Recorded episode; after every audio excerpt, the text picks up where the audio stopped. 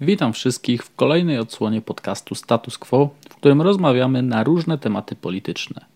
Niezmiennie zapraszamy do śledzenia naszego serwisu subiektywno-obiektywny w mediach społecznościowych oraz wysłuchania poprzednich odcinków podcastu na YouTube lub Spotify. Ja nazywam się Kasjan Karpiński, jest ze mną Adrian Stacherczak. Cześć Adrian. Cześć Kasjan, witam także serdecznie naszych wszystkich słuchaczy. W poprzednich odcinkach poruszyliśmy m.in. temat Komisji Śledczej do spraw Pegasusa czy kondycji Polski 2050 Szymona Hołowni. Dzisiaj natomiast chcielibyśmy zająć się obozem władzy. Wiele się mówi w mediach sprzyjających opozycji o nieuchronnym końcu rządów Zjednoczonej Prawicy, o kłopotach wewnątrz koalicji, sytuacji gospodarczej, konfliktach zewnętrznych, które prędzej czy później muszą zakończyć erę rządów ugrupowania Jarosława Kaczyńskiego. Czy tak jest w rzeczywistości? Jak Twoim zdaniem, Adrian, wygląda sytuacja? Czy koniec rządów PiS jest bliski? Mam wrażenie, że średnio kilka razy do roku mamy do czynienia w, w mediach i, i w dyskursie politycznym z takim momentem przesilenia lub pozornego przesilenia, w którym to jesteśmy blisko, końcu, blisko końca rządów Zjednoczonej Prawicy. Takim momentem była na przykład atmosfera po zeszłorocznych strajkach, po inicjatywie strajku kobiet, wywołanej wyrokiem Trybunału Konstytucyjnego w sprawie aborcji eugenicznej. Z czymś takim mieliśmy do czynienia przy okazji zatarć e, w obozie Zjednoczonej Prawicy, przy okazji głosowania piątki dla zwierząt, przy okazji ujawniania wpadek e, rządzącej ekipy lub nawet e, grubszych afer. Rozmawialiśmy o sprawie dotyczącej Pegasusa. Ciągle duże wątpliwości są wokół wycieku maili ze skrzynki Michała Dworczyka. I każdorazowo w tej sytuacji mówi się w, w tych kręgach, w tych mediach, o których wspomniałeś, o tym, że koniec rządów PiS jest e, bliski. Pytanie, czy tak rzeczywiście jest? No tutaj chciałbym spojrzeć na tę e, sprawę jakby z dwóch perspektyw. Pierwsza z uwzględnieniem e, aktualnej sytuacji międzynarodowej w Europie i druga jakby z wyłączeniem tego kontekstu międzynarodowego. Czyli w tym pierwszym scenariuszu to, co dzieje się aktualnie na wschodzie Europy, a dzieje się to, iż e, w momencie, kiedy nagrywamy ten odcinek, e, czyli 15 lutego 2022 roku, jesteśmy w momencie dużej niewiadomej, ale też dużej eskalacji tego konfliktu. Wejdą czy nie wejdą? E, mówię tutaj oczywiście o armii rosyjskiej względem Ukrainy. Według danych medialnych, którymi dysponujemy, a które oparte są o dane wywiadowcze wywiadu amerykańskiego, atak ten był planowany na 16 lutego. Zobaczymy, jak ta sytuacja się rozwinie, ponieważ mam wrażenie, w zasadzie jestem co do tego przekonany, że w sytuacji większej lub mniejszej eskalacji tego konfliktu na linii Ukraina-Rosja, wszelkie tego typu dyskusje, e, czy rząd Zjednoczonej Prawicy e, chyli się ku upadkowi, czy ma e, większość sejmową, czy te konflikty wewnątrz są większe lub mniejsze, zejdą na dalszy plan. Po pierwsze, dlatego, że siłą rzeczy dzieje się tak, że w, sytuacji różnych międzynarodowych napięć e, lub e, momentów o dużym ciężarze gatunku, takie dyskusje schodzą na dalszy plan, a, a uwaga i, i zainteresowanie społeczne, tudzież e, sympatie nawet polityczne, bardziej koncentrują się wokół, wokół rządu, wokół kwestii obronności, integralności administracji. Zanim przejdziesz do drugiego punktu, pozwól, że odniosę się do tego, bo dla mnie to również bardzo ważny aspekt rozważań. Zgadzam się oczywiście, że w przypadku ewentualnej eskalacji, do której miejmy nadzieję nie dojdzie, wszelakie sprawy wewnętrzne zejdą na dalszy plan. Wynika to, choć może to zabrzmieć odrobinę cynicznie, z faktu, że w przypadku ewentualnych zagrożeń społeczeństwo, jak to się mówi, skupia się wokół flagi. To znaczy, że większe zaufanie i większy wiatr w żagle zbiera zawsze obóz rządzący, tak naprawdę niezależnie od tego, która partia rządzi w danym momencie. Działa tu prosty mechanizm socjologiczny. No, społeczeństwo kieruje się w stronę tych, którzy mają jakąkolwiek sprawczość, którzy mogą zapewnić bezpieczeństwo, którzy mogą podnieść morale społeczne. Opozycja w takich momentach oczywiście również może swoje zyskać, ale na pewno nie poprzez ostrą czy wręcz totalną krytykę lub podważanie działań tych, którzy mają sprawczość, a wręcz przeciwnie, wspierając te działania, bo ostatecznie chodzi o dobro wspólne, jakim są, jakim jest właśnie bezpieczeństwo społeczne, a więc wszelakie przepychanki czy podważanie e, władzy no, może być odbierane jako działanie na przekór bezpieczeństwu, no i tak naprawdę może zadziałać tylko i wyłącznie na niekorzyść krytykujących. Podobny przykład mieliśmy już chociażby w zeszłym roku w przypadku e, sytuacji na granicy z Białorusią.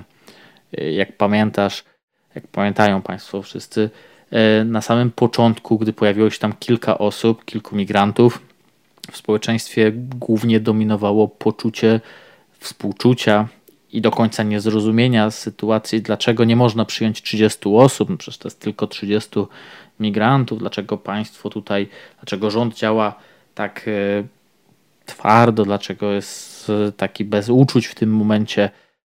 Ale jak sytuacja zaczęła się zmieniać, jak zaczęły się zaostrzać działania Aleksandra Łukaszenki na potrzeby tego podcastu, przyjmijmy, że tylko i wyłącznie to były jego działania, choć nie do końca, y, no, które doprowadziły tak naprawdę ostatecznie do mm, kryzysu na granicy, jaki mogliśmy obserwować, no to w ostatecznym rachunku wszystkie działania, twarda postawa rządu, y, zakładająca niewpuszczenie tych migrantów i pilnowanie granicy, no koniec końców została odebrana społecznie pozytywnie zawsze sytuacje kryzysowe, choć ponownie, no może to zabrzmieć bardzo cynicznie, no będą działać na korzyść władzy. Zgadza się, więc postawmy sobie tutaj kropkę e, nad tym kontekstem międzynarodowym i wróćmy do tej naszej wewnątrzkrajowej perspektywy. Przede wszystkim wydaje mi się, że ten temat, jako taki temat medialny, tego czy to już, e, czy rząd Zjednoczonej Prawicy się zużył, E, czy te konflikty są już tak głębokie, że nie da się ich inaczej rozwiązać? Te, te, te wewnątrz obozu Zjednoczonej Prawicy też zejdą na dalszy plan. Takie narracje po stronie opozycyjnej, jak na przykład e, wypowiedź Donalda Tuska, który w niedawnej konferencji apelował do Mateusza Morawieckiego o złożenie broni i o podanie się do dymisji, jako że w jego opinii ten rząd już po prostu nie daje rady E, z nadążeniem za sytuacją międzynarodową, ale też wewnętrzną. Czyli chodzi tutaj o drożyznę, o e, regulowanie inflacji, czy o zapanowanie nad reformą podatkową zwaną Polskim Ładem. Natomiast jeżeli wyłączymy sobie te, te rozważania e, międzynarodowe z naszej dyskusji, tak naprawdę chciałbym, żebyśmy sobie trochę odpowiedzieli na pytanie, co, tak, co, co w ogóle kryje się pod tym mitycznym hasłem koniec rządów PiS, bo są tutaj, myślę, różne wyobrażenia co do tej sytuacji. Na pewno tutaj kluczem do, do tego sezamu, jaki otworzyłby się przed opozycją o nazwie koniec rządów PiS, byłyby przegrane wybory. E, byłyby przegrane wybory, które oczywiście są pochodną e, słabszego lub słabnącego poparcia dla, dla partii rządzącej. Oczywiście terminów wcześniejszych wyborów nie mamy, natomiast tutaj chciałbym zwrócić uwagę na dwie kwestie. E, czyli tak jak już wspomnieliśmy sobie, konflikty wewnątrz obozu Zjednoczonej Prawicy oraz to, co ja nazywam i y, o czym też ostatnio wspomniałem w swoim wpisie na naszej stronie, co nazywam tak zwaną gotowością społeczną do zmiany władzy. I tutaj w tym pierwszym punkcie, jeżeli chodzi o konflikty w obozie Zjednoczonej Prawicy, Powiemy sobie o tym e, troszeczkę więcej w dalszej części dyskusji. Tutaj myślę, wiele zależy od wielu czynników, nawet jeżeli wyjmiemy stąd ten czynnik międzynarodowy, który to wszystko moim zdaniem jest w stanie odwlec w czasie i te dyskusje, czy w ogóle realne jakieś pęknięcia w obozie e, władzy, jakby umieścić później na, na tej osi czasu. Natomiast też splot pewnych wydarzeń i, i, i relacji panujących wewnątrz obozu też moim zdaniem e, będzie zmierzał e, i kierował tę sytuację ku temu, żeby ten ewentualny rozpad więzi wewnątrz koalicji odsunąć w czasie i e, doprowadzić aktualną kadencję Sejmu do, do jej konstytucyjnego wygaśnięcia. Co zaś się tyczy tej gotowości społecznej e, do zmiany władzy w Polsce, Tutaj mówi się też wiele o takim zmęczeniu tą władzą, o zażenowaniu, które wywołują kolejne e, ujawnione mm, afery, e, ujawnione wydatki finansów publicznych, czy kolejne chociażby wypowiedzi poszczególnych posłów Zjednoczonej Prawicy. Jakby tutaj dla mnie ciągle odnośnikiem i wyznacznikiem jest poparcie, które nadal mimo wszystko jest wysokie i oscyluje w granicach 30%. I nie widzę takiej dużej społecznej siły, która jakby sugerowałaby, że, że czas Zjednoczonej Prawicy minął e, w umysłach i w ocenie wyborców. Tak naprawdę, aby ten moment osiągnąć, moim zdaniem potrzebne jest takie przekonanie w elektoracie danej partii, iż jej czas minął i należy, e, należy e, panujący, panującą władzę wymienić. Coś takiego wydaje mi się obserwowaliśmy w 2014 i 2015 roku, kiedy wielu wyborców rzeczywiście rozczarowało się drugą kadencją rządów PO-PSL i faktycznie oczekiwali jakiejś realnej zmiany. To był głównie elektorat wiejski, elektorat małomiasteczkowy, czy chociażby ten elektorat mniej y, zarabiający. Do takiej zmiany doszło i, i skutkiem tego było przebiegunowanie sceny politycznej, czyli z rządów tych powiedzmy proeuropejskich i, i bardziej liberalnych przeszliśmy w fazę czy, czy, czy w erę rządów konserwatywnej prawicy. Dziś e, czegoś takiego, takiej tendencji, takiego trendu w społeczeństwie nie widzę. Być może powiemy sobie coś więcej na ten temat, natomiast w tym momencie wydaje mi się, że ciągle te niedoskonałości, te, te wady, te patologie e, obozu rządzącego nie przebijają się do świadomości w takim szerokim ujęciu i w szerokim zakresie i nie są w stanie jakby wygenerować tej energii tego społecznego wkurzenia się e, jakby wyborców i, i, i ogółu społeczeństwa na władzę na tyle, żeby ich z parlamentu czy, czy z Sejmu przepędzić w procesie wyborczym. Społeczne wkurzenie czy zmęczenie władzą, o którym wspominałeś, oczywiście widać po stronie wyborców opozycji. Są oni zmęczeni, mają dość, chcieliby zmiany, nie widać jednak takiego podejścia po stronie wyborców PiSu, bądź szerzej mówiąc Zjednoczonej Prawicy. Często czytam różnego rodzaju komentarze, jak można głosować na PiS, przecież PiS robi to, to czy tamto. No skoro ktoś głosuje na PiS, to jest, i tu zaczyna się zwykle festiwal różnego rodzaju obelg bądź epitetów, no przecież ci wyborcy widzą to samo co my, a więc jak mogą głosować? No i właśnie pytanie, czy na pewno widzą. Kwestia samego dostępu do informacji w dzisiejszych czasach jest dość prosta. I nie mówię tutaj w tym momencie o TVP Info czy TVN, ogólnie o telewizji, która ma swój jakiś wkład w postrzeganie przez opinię publiczną e, sytuacji, ale głównie o internecie. Żyjemy dzisiaj w czasach tak naprawdę profilowania odbiorcy. I to nie chodzi tylko i wyłącznie o profilowanie pod kątem reklam czy wyświetlanych nam filmików ze śmiesznym kotkiem na YouTubie, ale również do tego, w jaki sposób profilowane są nam odpowiednie informacje, które uzyskujemy. Na bazie tego, co wyszukiwaliśmy, jakie strony odwiedzaliśmy, podobne tematy nam później się e, wyświetlają, co powoduje, że tak naprawdę dwie osoby siedzące obok siebie, zakładające, że mają w ręce smartfona, a więc mają ten sam dostęp do informacji, no powinny mieć taki sam może nie tyle pogląd, ale na pewno tak, no, takie same informacje. A to jest zgoła odmienna e, kwestia i tak naprawdę dwie osoby siedzące obok siebie mogą czytać zupełnie różne newsy o zupełnie, zupełnie dwóch różnych stron. No i to jest moim zdaniem clue do zrozumienia tak naprawdę wyborców PiS, a gdy się ich zrozumie, można próbować ich przekonywać. Samym obrażaniem, samym wyzywaniem bądź deprecjonowaniem do niczego nie dojdziemy i nikt nie dojdzie tak naprawdę poza tym, że jedna strona pozostanie w swojej bańce informacyjnej, druga strona pozostanie w swojej bańce informacyjnej, będzie trwała dalej ta polaryzacja i tak naprawdę do niczego to nie prowadzi. Aczkolwiek to jest temat na dłuższą rozmowę, więc może w przyszłości zrobimy o tym osobny odcinek. Wracając do tego, co może tak naprawdę wywrócić wózek o nazwie Zjednoczona Prawica, to na pewno różnego rodzaju konflikty wewnętrzne i zewnętrzne, o których Adrian pewnie będzie chciał powiedzieć więcej za chwilę, a ja bym się chciał skupić na arytmetyce sejmowej, gdyż ona wiele nam mówi o sytuacji obecnej i jak może się klarować przyszłość W chwili obecnej obóz władzy ma 231 posłów wspierających, głosujących za, z czego jest trzech posłów Kukiza. Stąd zostaje 228 posłów, wśród których jest szerokie grono posłów tak zwanych roszczeniowych, czyli utrzymujących swoje poparcie w zamian za odpowiednie apanarze, frukta. Tutaj mogę podać przykłady trzech osób z ostatniego czasu dalszego bądź krótszego, mianowicie poseł Kołakowski, posłanka Janowska i poseł Czartoryski. Pierwszy z nich, poseł Lech Kołakowski, pod koniec 2020 roku odszedł z PiSu. Było to konsekwencją e, sporu z Jarosławem Kaczyńskim odnośnie ustawy, którą prezes chciał przeforsować w Sejmie, mianowicie piątki dla zwierząt. No i Lech Kołakowski odszedł, stwierdził, że nie będzie już wspierał obozu władzy, został posłem niezależnym. Minęło kilka miesięcy i z początkiem lipca powrócił na łono partii matki.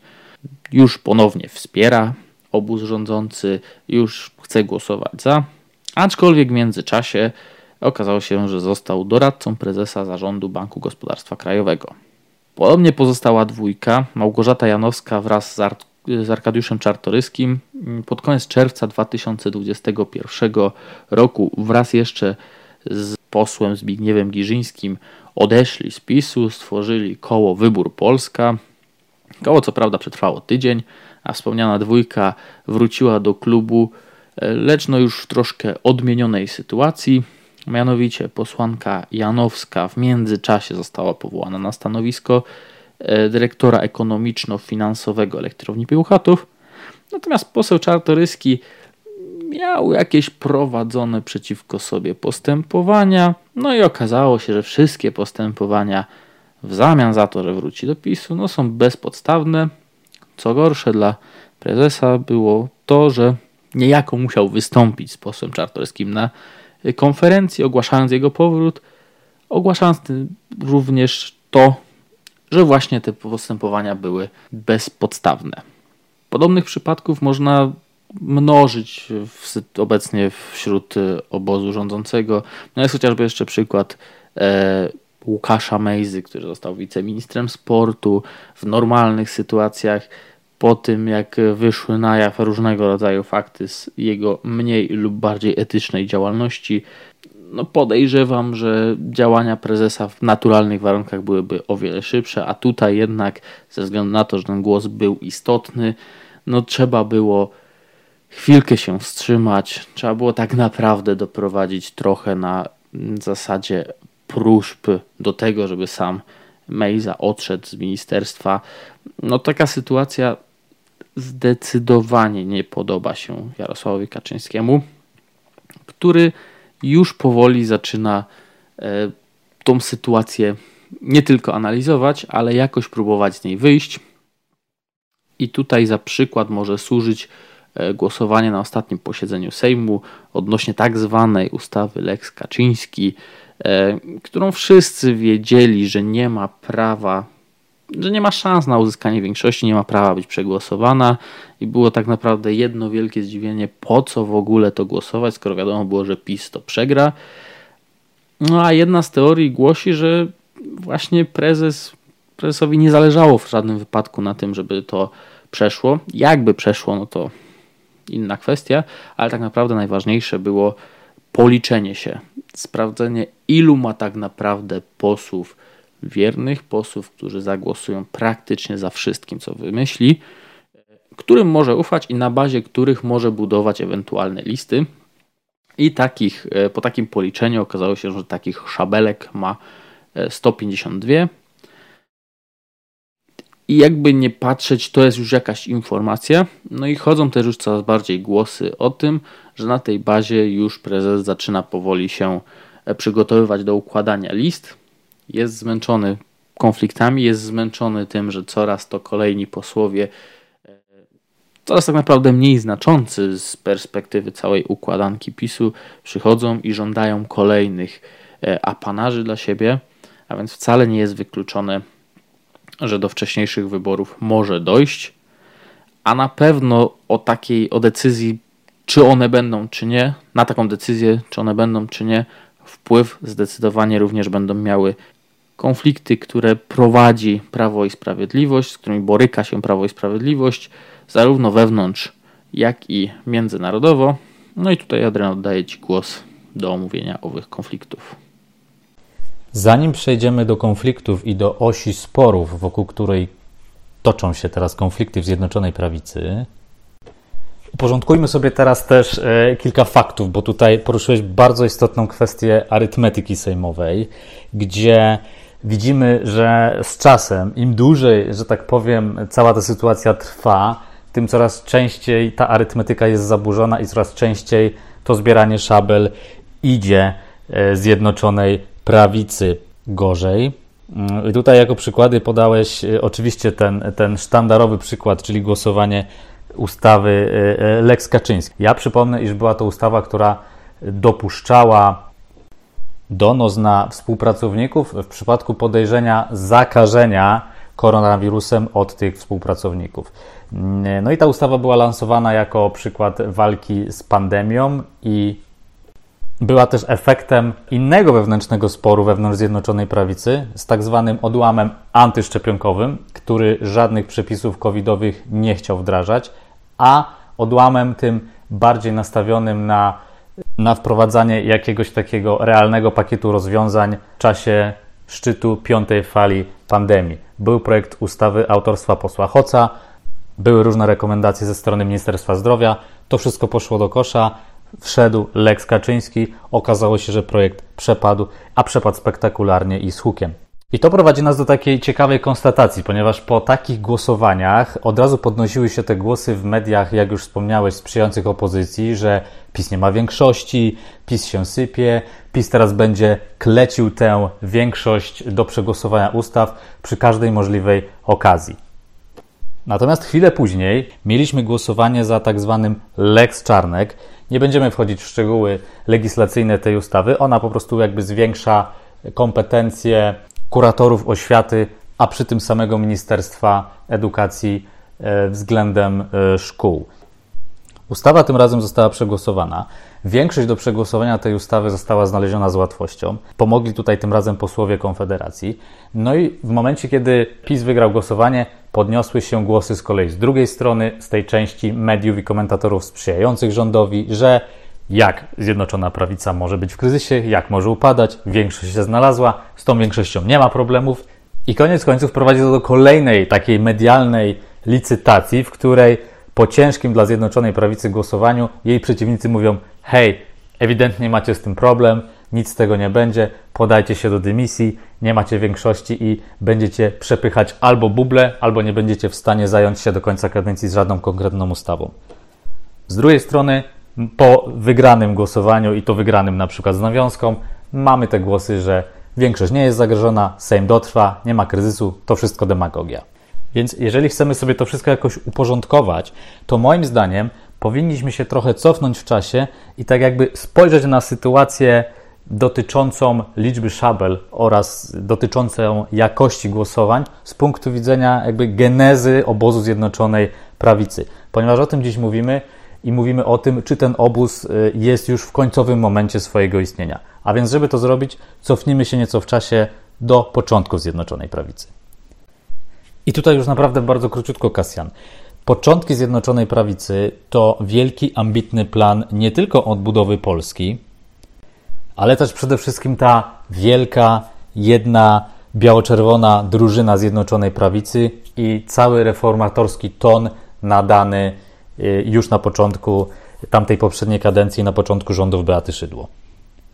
Po to, aby móc wprowadzać szeroko zakrojone reformy w wielu aspektach, y, czyli na przykład szkolnictwo czy sądownictwo, Jarosławowi Kaczyńskiemu potrzebny był szeroki obóz poparcia i szeroka reprezentacja w Sejmie, z taką też rezerwą, która istniała na początku i też w tej pierwszej kadencji, która będzie w stanie te plany realizować. W obozie Zjednoczonej Prawicy panowała w tamtym czasie synergia, polegająca też już na tym, e, o czym mówiliśmy, czyli na przykład Jarosław Gowin mógł realizować swoje autorskie pomysły w ramach jego szefowania resortowi edukacji i reformować tęże edukację, w zamian za wsparcie Zjednoczonej Prawicy dla na przykład kontrowersyjnych reform w zakresie sądownictwa.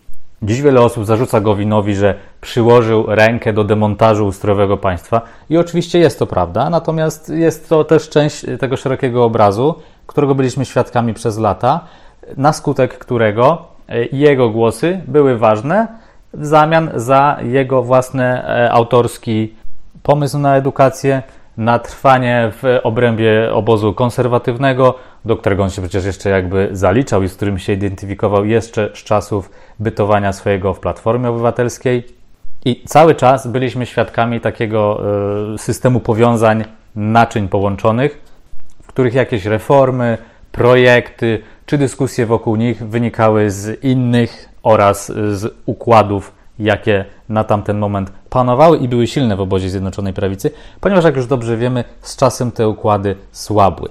I tym momentem przełomowym były oczywiście wybory prezydenckie w 2020 roku i również kontrowersyjna e, propozycja ich przeprowadzenia. Wtedy Gowin powiedział stop, powiedział dość i wypowiedział się w innym tonie niż ten e, płynący z Nowogrodzkiej, iż te wybory prezydenckie za wszelką cenę trzeba przeprowadzić i trzeba dążyć do ustrojowej konstrukcji umożliwiającej przeprowadzenie jej w trudnych warunkach pierwszej fali pandemii. Jak wiemy, prezes e, Kaczyński nie lubi takich wyskoków i e, nie wybacza. I krytyka e, wicepremiera Gowina, która wyniknęła już w późniejszym etapie wobec założeń Polskiego Ładu, krytyka i, i, i w konsekwencji dymisja tudzież odejście Jarosława Gowina z rządu. Była tak naprawdę gwoździem do trumny, którą Jarosław Kaczyński zbił Gowinowi z desek już w czasie negocjowania tych warunków wyborów prezydenckich. I teraz, dlaczego o tym wszystkim mówię? Ponieważ tutaj jakby widać, e, jak na dłoni, ten e, proces rozkładu Zjednoczonej Prawicy. I Gowin był jakby w pewnym momencie balastem oraz najsłabszym ogniwem tego obozu, z jednej strony, gdzie z drugiej strony mamy drugiego koalicjanta w postaci Zbigniewa Ziobry i jego całego zaplecza Solidarnej Polski. I teraz przechodząc do meritum. Te reformy stronnictwa Ziobry mm, były jednym z flagowych projektów całego obozu Zjednoczonej Prawicy już od roku 2015. Tak? One były mocno zapowiadane, szeroko komentowane przez y, poszczególnych y, członków Solidarnej Polski, którzy zresztą licznie weszli do resortu sprawiedliwości. Sytuacja, którą mamy dziś, bo mówimy o konfliktach i mm, tak jak wspomniałem o tych y, osiach sporu, e, wokół których to wszystko w Zjednoczonej Prawicy się kręci. Jedną z takich osi jest w tym momencie dyskusja wobec e, reformy Izby Dyscyplinarnej Sądu Najwyższego. Kwestia bardzo kontrowersyjna, kwestia, która blokuje w tym momencie tak naprawdę wypłaty środków z KPO dla Polski. Kwestia, która już od długiego czasu jest przedmiotem sporu wewnątrz Zjednoczonej Prawicy, ponieważ już latem ubiegłego roku Jarosław Kaczyński zapowiadał likwidację tejże problematycznej dla Komisji Europejskiej Izby. Natomiast jej likwidacja jest zupełnie niedopuszczalna przez obóz y, Zbigniewa Ziobry, przez Solidarną Polskę. I teraz łącząc y, jeden wątek z drugim. Spór jest w tym momencie trudny do rozwiązania, ponieważ Zbigniew Ziobro nie chce ustąpić, nie chce oddać mm, decyzyjności w obszarze reformy sądownictwa oraz przyszłości Izby Dyscyplinarnej innym organom. E, w tym momencie w Sejmie do laski marszałkowskiej wpłynęły dwa projekty z szeroko jakby ujmowanego obozu Zjednoczonej Prawicy, ale żaden z nich nie jest projektem Ministerstwa Sprawiedliwości. Mamy tam projekt prezydencki, który zakłada, e, że w Sądzie Najwyższym ma zostać utworzona Izba Odpowiedzialności Zawodowej w zamian za problematyczną Izbę Dyscyplinarną, która będzie składała się z 11 sędziów wybieranych spośród wszystkich sędziów Sądu Najwyższego na pięcioletnią kadencję. Ostatecznego wyboru członków Izby Odpowiedzialności Zawodowej miałby dokonywać e, prezydent, e, czyli 11 wybranych przez niego sędziów pochodziłoby z 50 sędziów losowo wybranych ale nie o tym też mowa. Nie będziemy tutaj jakby oceniać merytorycznie tego projektu. To, co istotne, to to, że posłowie PiS y, ubiegły piątek przedstawili swój własny projekt, który zakłada m.in. przekazywanie rozstrzygania spraw dyscyplinarnych sędziów Sądowi Najwyższemu jako całości i pozostawienie Izby Dyscyplinarnej mm, rozpatrywania spraw innych zawodów prawniczych. E, czyli nie mamy tutaj do czynienia z likwidacją Izby Dyscyplinarnej, tylko jakby zmianą jej kompetencji. No i w, tym, w tym wszystkim jest jeszcze głos stronnictwa Ziobry, Solidarnej Polski, która na takie rozwiązania się nie zgadza i, i, i zgodnie z przekazem której na jej propozycję e, musimy jeszcze chwilę poczekać, będzie ona przedstawiona w swoim czasie. I teraz dlaczego poświęcamy temu aż tyle czasu? Moim zdaniem finał tej sprawy oraz to, jaki projekt ostatecznie trafi do kosza, e, które trafią pod obrady. Znaczy w tym momencie wiemy już, że mm, do prac komisji będą skierowane projekty prezydenckie, projekt prezydencki oraz projekt poselski. Zatem to, jakie etapy legislacyjne osiągną te projekty, powie nam dużo na temat rzeczywistej kondycji obozu Zjednoczonej Prawicy i pozwoli nam być może precyzyjniej przewidzieć, czy ten rozłam jest rzeczywiście bliski, czy nie.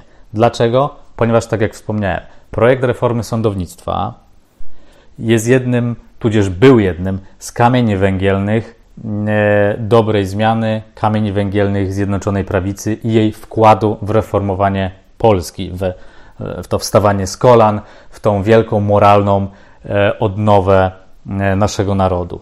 I teraz, jeżeli ten projekt przepadnie, lub jeżeli projekt y, zostanie przegłosowany i trafi na biurku prezydenta w jakiejś formie nieakceptowalnej dla Zbigniewa Ziobry, w jakiejś formie, która będzie marginalizowała jego wpływ i jego udział na kształtowanie się e, prac Sądu Najwyższego, tudzież innych organów, które są też przewidziane w, tej, w tym projekcie Solidarnej Polski, no to możemy tutaj mieć do czynienia już z tak silną i twardą kością niezgody, której nie będzie dało się tutaj już w żaden sposób e, przekroczyć lub przegryźć i, i przetrawić.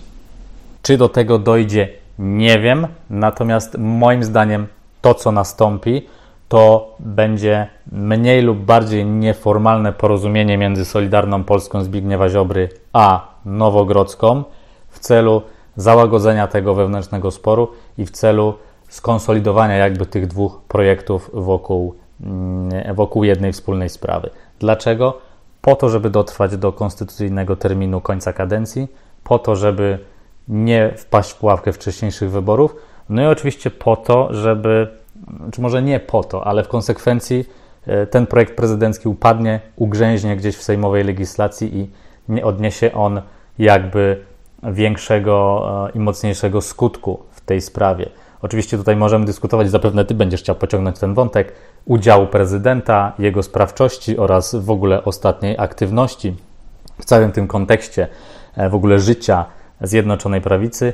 Natomiast ja uważam, że kwestia być albo nie być tej reformy, a przy tym być albo nie być Zjednoczonej Prawicy rozstrzygnie się między Solidarną Polską Ziobry oraz Nowogrodzką.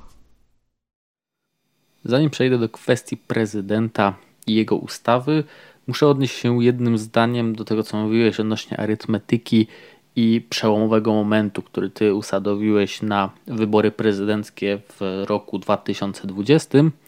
Ja bym tą, ten moment przesunął troszeczkę wstecz, kilka miesięcy wstecz, i moim zdaniem takim momentem przełomowym były wybory parlamentarne, w których co prawda obóz Zjednoczonej Prawicy wygrał, ale jak pamiętamy, sam prezes Jarosław Kaczyński po tym zwycięstwie nie był całkowicie zadowolony. Wielu komentatorów odbierało to jako niezadowolenie z jego zdaniem niskiego poparcia, ale tak naprawdę cały problem, jaki w tym momencie prezes zauważył, to było poparcie, jakie zdobyli koalicjanci. Zarówno e, porozumienie, jak i Solidarna Polska w założeniu Jarosława Kaczyńskiego miały wejść jako mniejsze ugrupowania wspierające, liczące kilku posłów. Ostatecznie okazało się, że w sumie zdobyli 35 mandatów, Solidarna Polska 17, Porozumienie 18, a to już prognozowało przyszłe problemy, gdyż to już jest znacząca ilość głosów, zważając, że łączna ilość, jaką zdobyła Zjednoczona Prawica w wyborach, to było 235 mandatów. Stąd tak naprawdę PiS, Jarosław Kaczyński, dysponował 200, a od 35 był, od 35 głosów był zależny. I oczywiście, tak jak wspomniałeś, w dalszej konsekwencji decyzja i sprzeciw Jarosława Gowina w wyborach e, prezydenckich, no tak naprawdę przekreśliły możliwość udziału porozumienia w koalicji i tylko była kwestia, w którym momencie zostanie wykluczony, ale tu już dalej mogę się zgodzić, że już dalsze problemy wynikały z tego, że prędzej czy później Gowin zostanie wykluczony, ale ta pierwotna przyczyna to była ilość zdobytych mandatów przez sam sobie PiS, a ilość, a ile mandatów zdobyły to takie nieładne kolokwialne określenie przystawki. Przechodząc do roli prezydenta i jego projektu, no ja mam nieco inną optykę i nie zakładam tak stanowczo, że trafi on do kosza. E, oczywiście jest ten projekt poselski, e, który mógłby tak zwiastować, jeśli, jeśli jeszcze dołożymy do tego fakt, że jest konflikt na linii e, prezes Kaczyński, prezydent Duda, o którym wspomnę za, za chwilkę jeszcze, no to można było zakładać, że ten projekt tak naprawdę zdominuje ewentualnie narrację i powinien skierować projekt Dudy do kosza, ale moim zdaniem ten projekt poselski jest tylko i wyłącznie na użytek wewnętrzny, żeby pokazać, że Nowogrodzka liczy się z Solidarną Polską. Sami z, posłowie z Solidarnej Polski potwierdzali, że projekt był z nimi konsultowany. Twarzą tego projektu jest znany z wielu różnych projektów i wniosków, między innymi do, do Trybunału Konstytucyjnego Marek Ast, aczkolwiek ten projekt nie realizuje, albo można powiedzieć, że w stopniu bardzo, bardzo minimalnym realizuje założenia, jakie są wystosowane przez Komisję Europejską, a więc tak naprawdę on nic e, nie, nic nie gwarantuje, nic nie wnosi i jest ciągłym potwierdzeniem zaostrzania się kursu e, w konflikcie Polska-Unia Europejska, a taki konflikt nikomu nie jest potrzebny. Inaczej zupełnie klaruje się e, kwestia projektu prezydenta. W tym wypadku, co prawda, jest opcja wprowadzenia Izby Dyscyplinarnej pod inną nazwą, ale przede wszystkim jest zrealizowane założenie, którego które wymagane jest ze strony Komisji Europejskiej, czyli likwidacja Izby Dyscyplinarnej.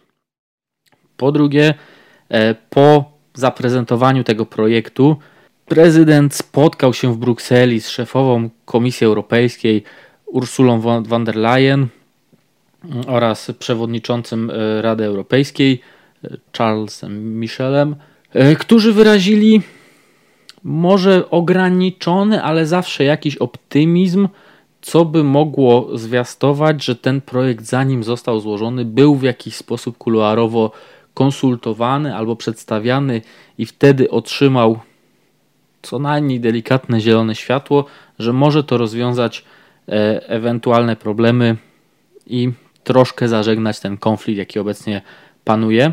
A jakby nie patrzeć, Duda jest świadom tego, że zakończenie konfliktu z Unią Europejską obecnie jest, no można powiedzieć, priorytetowe z prostej przyczyny. No, obóz władzy jak nigdy teraz potrzebuje pieniędzy z KPO. Jeśli kurs z, konfliktu z Komisją Europejską zostanie zaostrzony, no to te pieniądze nie zostaną odblokowane. Wręcz przeciwnie, zostaną na pewno zablokowane, zostaną przekreślone szanse na wypłaty, a więc tutaj prezydent jak najbardziej chce zrobić co się da i mam podejrzenie, że to było gdzieś w tle konsultowane, żeby te pieniądze uruchomić. I w tym wypadku yy, widząc na horyzoncie taką szansę, powtarzam, nie przekreślałbym tego projektu i nie zakładałbym, że mimo jakichś wewnętrznych, wewnętrznych waśni między Nowogrodzką a Pałacem Prezydenckim, że ten projekt zostanie skasowany. Ogólnie też trzeba zauważyć, że prezydent w ostatnim czasie e, bardzo mocno się uaktywnił, co szczególnie w mediach zbliżonych do opozycji oraz powiedzmy delikatnie kibicujące opozycji jest odbierane jako jakaś jaskółka zwiastująca również przyczyny, które spowodują e, koniec rządu. że teraz zacznie się wielkie blokowanie oraz wielkie wyjście na niepodległość mm, prezydenta Dudy. Ja byłbym tutaj bardzo e, ostrożny z tym hura optymizmem, z tym, że będzie wszystko blokowane. No moim zdaniem nie będzie tego. Nie będzie blokady każdej kolejnej ustawy, każdego kolejnego pomysłu wywodzącego się z PiS z prostej przyczyny. Sam w sobie Andrzej Duda wywodzi się z tego środowiska i pomimo wielu złośliwości, jakie są e, mu przypisywane od tak naprawdę początku, od 2015 roku, że nie jest samodzielny, że podpisuje wszystko, co mu się podłoży, no ja tego tak nie odbieram. Moim zdaniem on naprawdę w wiele tych e, reform wierzy, to one są zgodne z jego poglądami, dlatego je podpisywał. I nadal będzie się tak działo, on będzie wspierał ten rząd, no bo to jest po prostu naturalne jego środowisko oraz jego poglądy. To, że pewne ustawy e, zawetował bądź zawetuje, oczywiście. Jeśli chodzi o kwestię reformy sądownictwa, sam od 2015 ogłaszał, że taka reforma jest potrzebna, ale może niekoniecznie w takiej formie, jaką ją prezentuje Zbigniew Ziobro. Stąd już w trakcie pierwszej kadencji mieliśmy jedno zawetowanie ustawy związanej z wymiarem sprawiedliwości.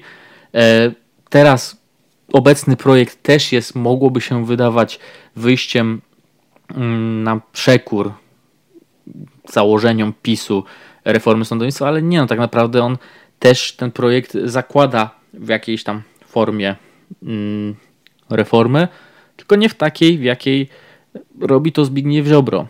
Podobnie może być z innymi ustawami. No, była ustawa Lex TVN, którą zawetował Duda, która może z perspektywy takiej chęci indywidualnej Jarosława Kaczyńskiego no była mocno y, przepychana do przodu, żeby została wprowadzona, ale tak naprawdę podpisanie jej, na, na podpisaniu jej nikt nie, nie wygrywał, nikt nic nie zyskiwał, a zawetowanie przez Dudę koniec końców jest sytuacją win-win i wyjściem trochę z twarzą łącznie z prezesem z tej sytuacji gdyż e, no po pierwsze, zważając tym bardziej na obecną sytuację, jaką mamy na wschodzie, no jeszcze konflikt ze Stanami Zjednoczonymi no jest nam jedną z ostatnich rzeczy, jakie są potrzebne. Dodatkowo Duda wetując ją e, pokazał, że chce współpracować z Amerykanami, że jest otwarty na takie współpracę, czym też niejako sobie w pewnym stopniu, nie wiem, nie powiem, że zapewnił, ale na pewno otworzył drogę do E, uzyskania jakichś stanowisk po zakończeniu kadencji, a więc e, jest to dla niego również zwycięska, powiedzmy, sytuacja. Tym bardziej, że no nie od dziś wiadomo, iż na linii e, Nowogrodzka, Pałac Prezydencki, no od dłuższego czasu relacje chłodne. Powiedzieć, że są chłodne, to tak naprawdę nic nie powiedzieć. Prezes Kaczyński z prezydentem Dudą nie rozmawia od ponad półtorej roku już.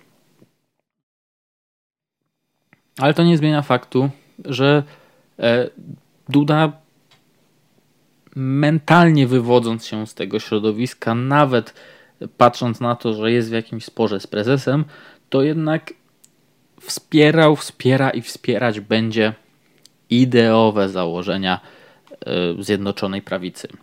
To, że niektóre ustawy wetuje, zawetował, bądź jeszcze zawetuje, to jest oczywiste. Tak samo nie będę zaskoczony, jak e, zawetowana zostanie w najbliższym czasie ustawa Lex Czarnek. Tak naprawdę nie zakładam, żeby została podpisana, no więc zostają dwie drogi. Albo weto, albo przekazanie do Trybunału Konstytucyjnego. No ale przekazanie do Trybunału Konstytucyjnego no jest niejako w obecnej sytuacji równoznaczne z tym, że zostaje ona wprowadzona. Mogą się pojawić inne, inne ustawy, które również zostaną zablokowane. Na pewno nie będą ustawy, które będą krytyczne z punktu widzenia Prawa i Sprawiedliwości.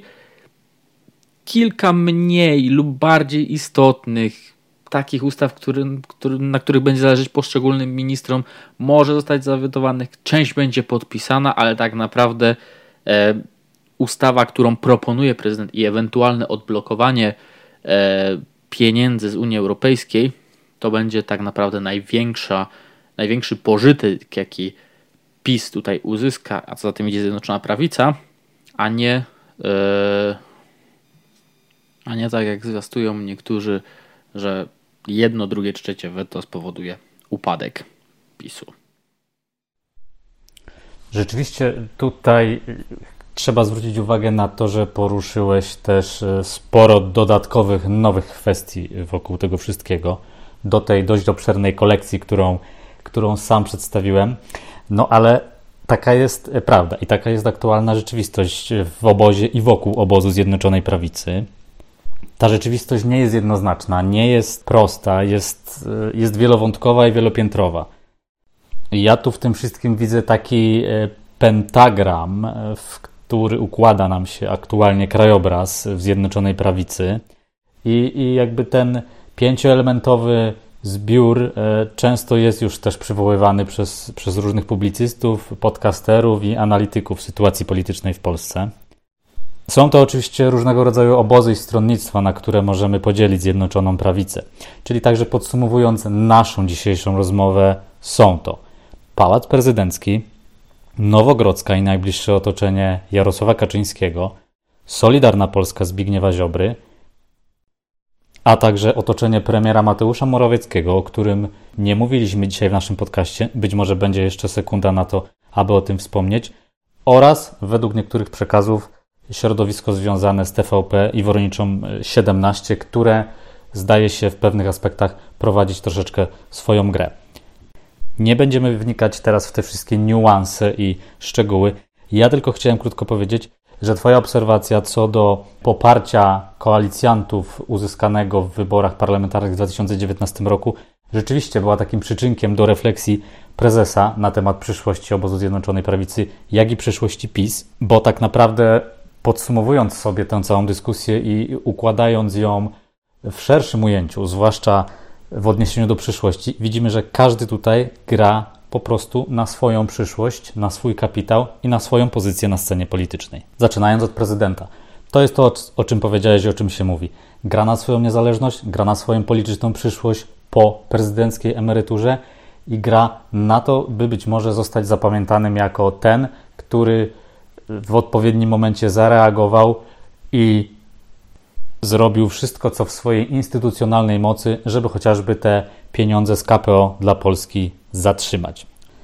W dalszej części jest to gra Zbigniewa Ziobry na niezależność, na zbudowanie jak najsilniejszego obozu wokół siebie, ponieważ już mówi się o tym, i nie są to plotki wcale wyssane z palca, ani zbytnio zaskakujące, że dla posłów Solidarnej Polski nie będzie miejsc na listach e, Prawa i Sprawiedliwości, które mają być układane już w połowie tego roku.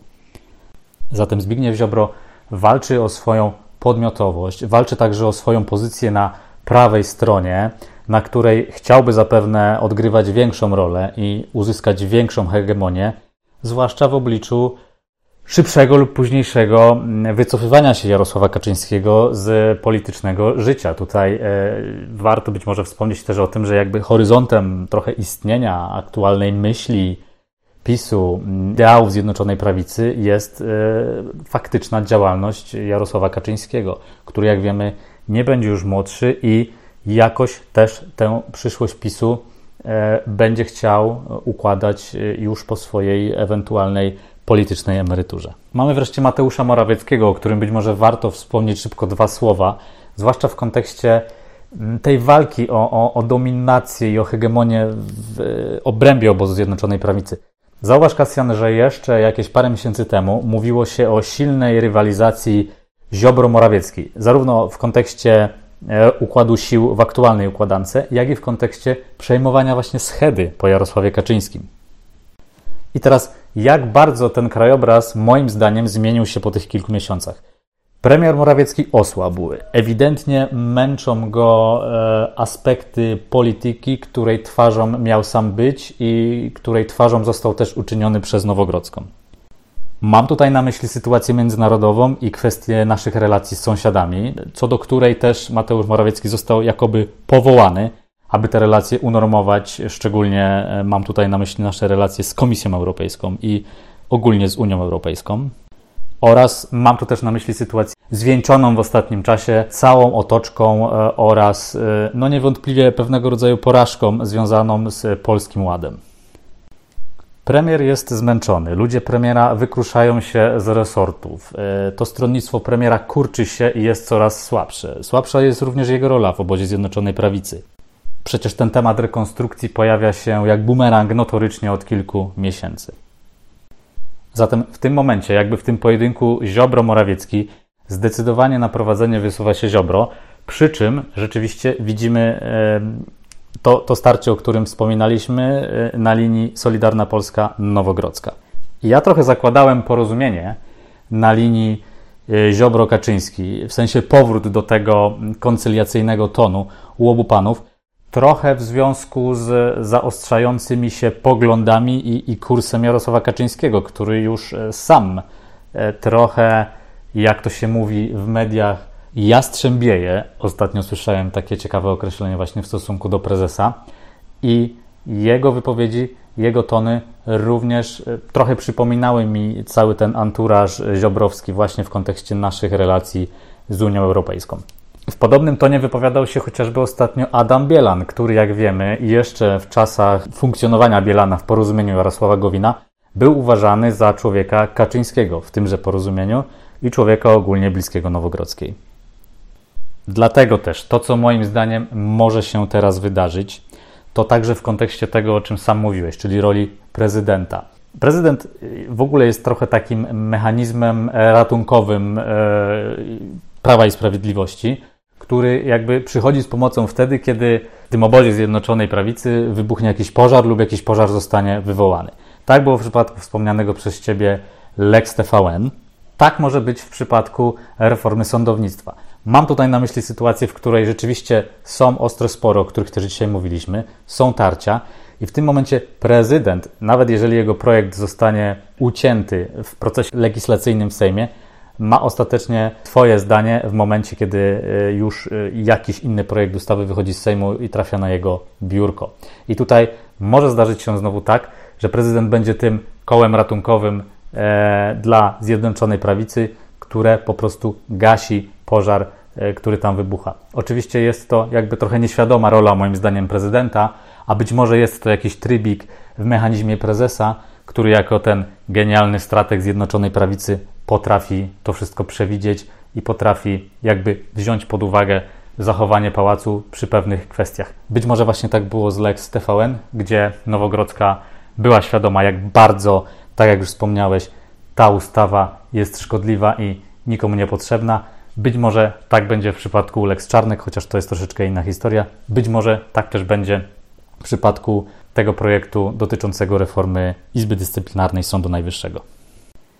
Dlatego przyszłość y, tych projektów, o których dzisiaj rozmawialiśmy, będzie bardzo ciekawa w kontekście przyszłości nie tylko Sejmu obecnej kadencji w tym kształcie, nie tylko gabinetu Mateusza Morawieckiego, ale całości kształtu tej sceny politycznej po prawej stronie, która rzeczywiście w tych ostatnich latach bardzo mocno została zagospodarowana przez e, Prawo i Sprawiedliwość i tak jak też użyłeś tutaj tego określenia, przystawki pisowskie, które, e, a zwłaszcza ta jedna, o której też poświęciliśmy dzisiaj sporo czasu, tej, tej, tej roli przystawki ma już chyba dość.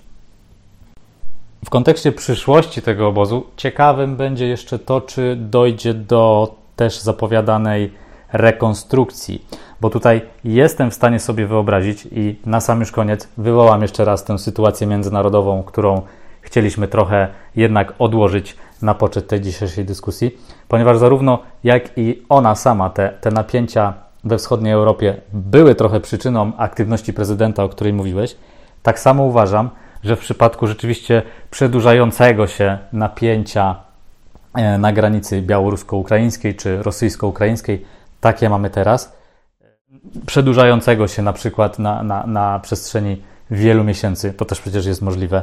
Sytuacja na granicy z Białorusią, o której wspomniałeś, też przecież nie jest rozwiązana. Wyobrażam sobie scenariusz, w której Mateusz Morawiecki rzeczywiście jest wymieniany przez prezesa na Mariusza Błaszczaka, który jako aktualny minister obrony narodowej wjeżdża na białym koniu i jest tym ministrem z tego resortu obronnego, bliskiego mundurowi, bliskiego służbom wojskowym, jako obrońca Rzeczypospolitej, jako ten odnowiciel, który będzie w stanie e, obóz Zjednoczonej Prawicy poprowadzić do kolejnych wyborów, a być może i także stanąć na czele nowego gabinetu już po wyborach. Absolutnie jestem w stanie wyobrazić sobie taki scenariusz.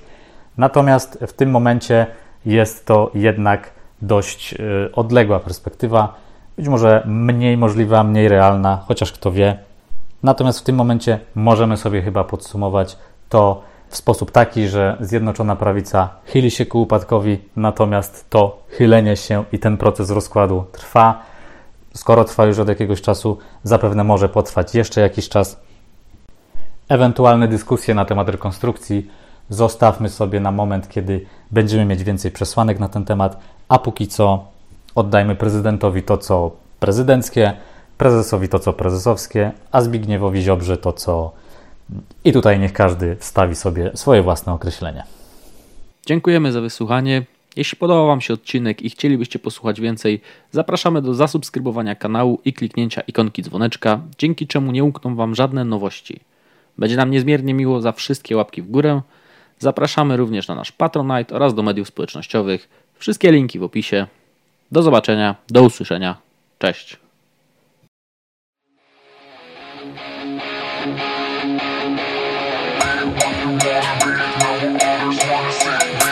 you want.